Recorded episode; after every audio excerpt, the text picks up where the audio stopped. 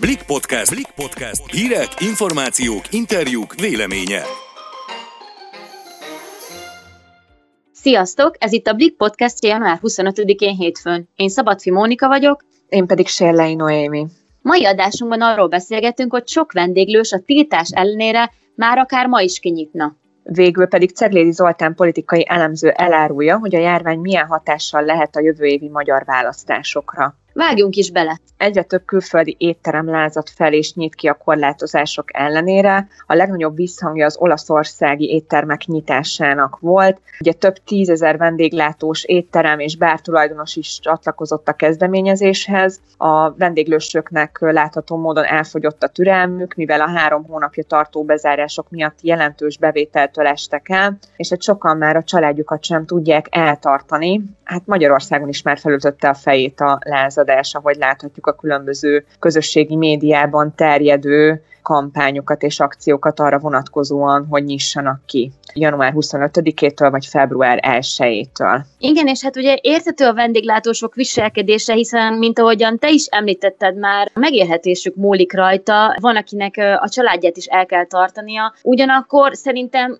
úgymond mi civil emberek is már nagyon igényeljük azt, hogy végre újra társasági életet élhessünk. Én például már beülnék egy jó kávéra, vagy vacsoráznék valami finomat egy étteremben, mert bár szeretjük itthon tölteni az estéket, de azért nekem és szerintem nem vagyok ezzel egyedül, hiányzik a kimozdulás, hiányzik az, hogy új impulzusok érjenek, amiket egy-egy ilyen étteremben könnyedén az ember beszerezhetett. Nyilvánvalóan ugye mindegyikünknek azért vannak ilyen érzéseik, hogy jó lenne, ugye, ahogy említetted, társasági életet élni, vagy csak a pároddal, anyukáddal, bárkivel beülni egy étterembe és beszélgetni, és kiszakadni tényleg ezekből a szürke hétköznapokból, de azért ugye ne felejtsük el, hogy egy kemény járványhelyzetben vagyunk benne, és igen, vannak szükséges intézkedések, amiket meg kell hozni annak érdekében, hogy a járványt megfékezzük. De valóban, ahogy említetted, Magyarországon is rengeteg vendéglátással foglalkozó család megélhetése került veszélybe. Ráadásul a vendéglátósok egy része még mindig nem kapott bértámogatást, sokan nem tudnak igényelni semmiféle támogatást, mert nem tudták teljesíteni azt a feltételt, hogy ne bocsássanak el embert, ugye az étteremtől vagy kávézótól. Emellett olyan vendéglátóssal is beszéltem, akik a mai napig fizetik a bérleti díjat úgy, hogy például még házhoz szállítani se tudnak, tehát sehonnan se érkezik bevételük és azért azt is lássuk be, hogy ha még ugye kapnak is támogatást, szerintem azért édeskevés, mert mint ugye tudjuk, maga egy helyiség bérleti díja is nagyon magas, amit ugye hát szintén nekik ugye a vendéglátósoknak kell fizetni, és hát ugye elvileg a bevételükből kitermelni. Említetted a házhoz szállítás dolgot, hát ez a biznisz ugye dübörög, ez tény, de lássuk be, ki az, aki mostanra így lassan egy év elteltével megteheti, hogy például minden nap horroráron rendeljen magának ebédet. Ugye az élményt, amit az éttermekben, kávézókban kapunk, vagyis hogy kiszolgálnak minket, gyönyörű környezetben fogyaszthatjuk el a kávénkat, megterítenek, elmosogatnak utánunk, hát az ugye otthon nincs meg. Vannak éttermek, ugye, amelyek csatlakoztak egy akcióhoz, e, ennek a neve, hogy Országos Nyitás január 25-én, ugye ezen a néven fut a közösségi oldalakon, de már számos olyan felhívást is láttam keringeni az interneten, hogy február 1-től nyisson mindenki. Hát ebben a témakörben azért elég sok vita alakult ki az emberek között, de én úgy látom, hogy a vendéglátósok többsége azért szólalt fel, mert mindenféle támogatás nélkül kell megküzdeniük azért, hogy ne álljanak földbe, és nem azért tényleg, hogy terjesszék a vírust, és hogy itt tömeges megbetegedések legyenek. Igen, de még akkor is, ha kinyitnak ezek az éttermek január 25-én, vagyis ma, esetleg február 1-én, nem nagyon éri meg nekik ez az akció, hiszen lássuk be, azonnal meg is fogják őket bírságolni, hiszen törvénysértést követnek el, és hát nem kevés a büntetés.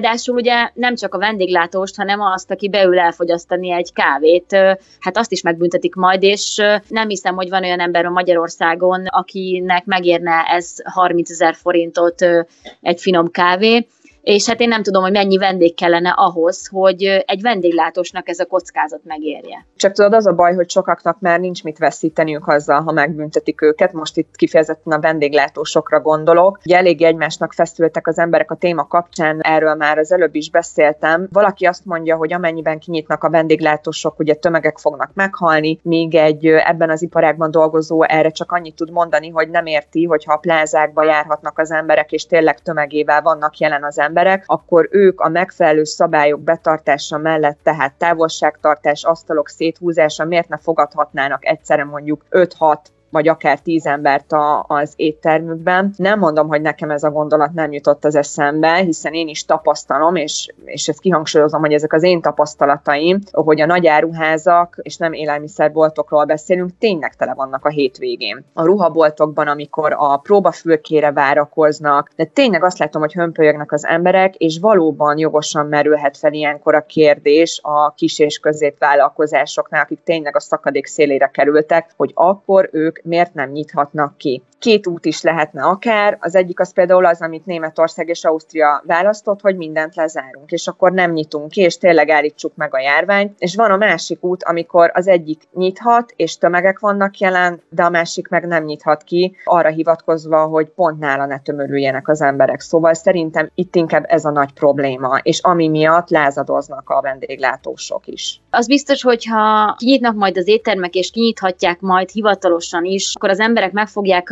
rohamozni majd őket, és emiatt szerintem még az újranyitás is egy külön szervezést igényel majd, és valószínűsíthetjük, hogy rengeteg új szabály lesz. A folytatásban maradunk a koronavírusnál, de kicsit azért más vizekre evezünk. Balázs Barnabás kollégánk Ceglédi Zoltán politikai elemzőt kérdezte arról, hogy a járvány milyen hatással lehet a jövő évi magyar választásokra, labdába rúghat-e majd esetleg egy korlátozás kritikus párt. Az idealistának tűnő közéleti szereplők már évtizedek óta azt harsogják, hogy be kell temetni a jobb és baloldal között átongó, egyébként folyamatosan mélyülő szakadékot, és nagyon úgy tűnik, hogy a koronavírus ezt megtette, legalábbis ami a járványügyi intézkedéseket illeti, hiszen a kormány és az ellenzéki pártok is támogatják a korlátozásokat, legfeljebb a mértékben és a formában vannak eltérések. Egyedül talán a mi hazánk lók ki a sorból, illetve a Gödény György mozgalma, amiről nemrég írtuk meg, hogy minden bizony a 2022-re pártba is fog szerveződni. Tudnak majd érdemben profitálni ezek a kis pártok abból, hogy radikálisan szembefordulnak a politikai elit aktuális narratívájával? Én azt látom, hogy van erre mód, pláne, hogy, a, hogy az említett kormányt és ellenzéket egy táborba terelő egyetértés, az már korábban is több nagy ügynél meg volt. Ugye oly nagyon nem gondolnak más mondjuk a menekültekről sem. És igen, a járványkezelésben is kormány, párt és ellenzék is egymásra építál a betiltási, bezárási ötletekkel. Ehhez képest mindenki, aki más szeretne, mindenki, aki mondjuk ellenzi azt, ahogy ezt a járványt különféle bezárásokkal kezelni próbálják, az igazából egyetlen valódi politikai alternatívát kap ebben a helyzetben. Ez sokkal inkább a mi hazánk, mint Gödény, Szerintem Gödény az egy projekt, míg a, a mi hazánk az, az egy elhatározott, és ma is egyébként parlamenti képviselőkkel rendelkező politikai párt. Ha ügyesek lesznek abban, amit most csinálnak, és hogyha képtelen lesz felismerni elsősorban az ellenzék, hogy itt szavazókat lopnak el tőlük, akkor ebből lehet egy parlament már 2022-ben. Melyek azok a korlátozások, amelyek leginkább zavarhatják az embereket, amelyek leginkább arra sarkalhatják mondjuk a választópolgárokat, hogy a mi hazánk felé kacsingassanak? Ezt elég jól lehet most már azonosítani, ezért sem értem, hogy az ellenzék többi pártja miért nem kezd ezzel semmit. Ott van egy nagyon fontos vendéglátó és turisztikai szektor, főleg az első az, aki nagyon szenved. Egész egyszerűen az éttermek voltak az elsők, amelyeket bezártak az első hullám kezdetekor, és a nyári nyitás után az ő lábukat rúgta ki megint az őszi második hullám. Itt egészen biztos, hogy az éttermek tulajdonosai, dolgozói, valamint azok, akiknek a, az életében, életmódjában fontos szerepet tölt be az étterembe járás, azok mind-mind, és itt százezres tömegről beszélünk önmagában, ezek mind-mind releváns üzeneteket kapnak a bezárás ellen kampányoló pártoktól. De megyek tovább. Ugye a kultúra jelentős részét is sikerült kicsinálni. Én azt szoktam volt mondani, hogy sajnálatos módon a védekezés azt a bunkókhoz igazítják, ezért aztán megint csak a színházakat rögtön, bezárták, nincsenek múzeumok, nincsenek kiállítások, nem működik semmi, ami az emberek személyes részvételével kultúra teremtést jelentene. Itt megint csak olyan egyébként a politikában prémium szavazói csoportok elérése lehetséges, mint a fiatalabb, a műveltebb, a, a költeni képes és hajlandó szavazóknak a csoportja, az aktívak e tekintetben. És akkor még ott vannak a, a tényleg a fiatalok, akik mondjuk szórakozni szeretnének, és ezt elvették tőlük, ez jelenti a fesztiválokat, koncerteket, egyebeket, és a fiatalok hétköznapjait is alapvetően befolyásoló bezárások, tehát hogy azok a középiskolások, akik tavaly is alig-alig, de idén pláne nem tudtak normálisan érettségizni, vagy nem tudnak normálisan érettségizni, azok 2022-ben már szavazati joggal fognak rendelkezni. És azok az egyetemisták, akiktől szintén szemesztereket vesz el ez a bezárás, megint csak ők meg fogják keresni, hogy melyik az a párt, amelyik számukra lehetővé tette volna, hogy az iskolában, az egyetemen tanuljanak. És akkor még lehet sorolni, van jó pár olyan szereplő, akit ez érint, érinti azt a szülőt, aki vagy a munkahelyét vesztette el, vagy pedig óriási áldozatokat kell vállaljon, hogy otthon tanítsa, nevelje a gyerekét úgy, hogy közben a munkapontjá is helyet kell állnia. Úgyhogy van jó pár csoport, ezeket elég jól lehet azonosítani, és én azt látom, hogy a mi hazánk egyébként a szélsőjobboldali politikájához nagyon szépen tudta passzolni. Ezeket ebből lesz még baj. De a gödény közösségében lévő konteós vonal nem riasztja el azokat, akik épp úgy nem szeretik a korlátozásokat, mint az összeesküvés elméleteket? Vagy mondjuk az mi hazánk esetében nem riasztja el azokat, akik nem kellően nyitottak a radikális jobboldali gondolatvilágra? Ezért kezdtem azzal, hogy az a radikális jobboldali gondolatvilág, amit mi karanténba zárt és szó rossz értelmében unikális politikának gondolunk, az jó, jó ideje túlszulejtette már a magyar politikai közbeszédet, más magyar politikai pártokat. Ne felejtsük el, hogy ma Magyarországon cigányozással is lehet szavazatot szerezni, és nem csak a szélső jobb oldalon. Ne felejtsük el, hogy enyhén szólva gyáva a viszonyulása a mai ellenzéki pártoknak egyes mondjuk ilyen homofób kampányokhoz, tisztelet a kivételnek van, aki az ügyben fölemelte a hangját. Innentől kezdve az, hogy a mi hazánk egyébként egy radikális jobboldali, vagy akár szélső jobboldali programot képvisel, az nem ugyanúgy riaszt el szavazókat tőle, mint riasztott volna 2010 vagy 2006-ot megelőzően. Azért volt itt egy folyamatos szerecsemosdatás.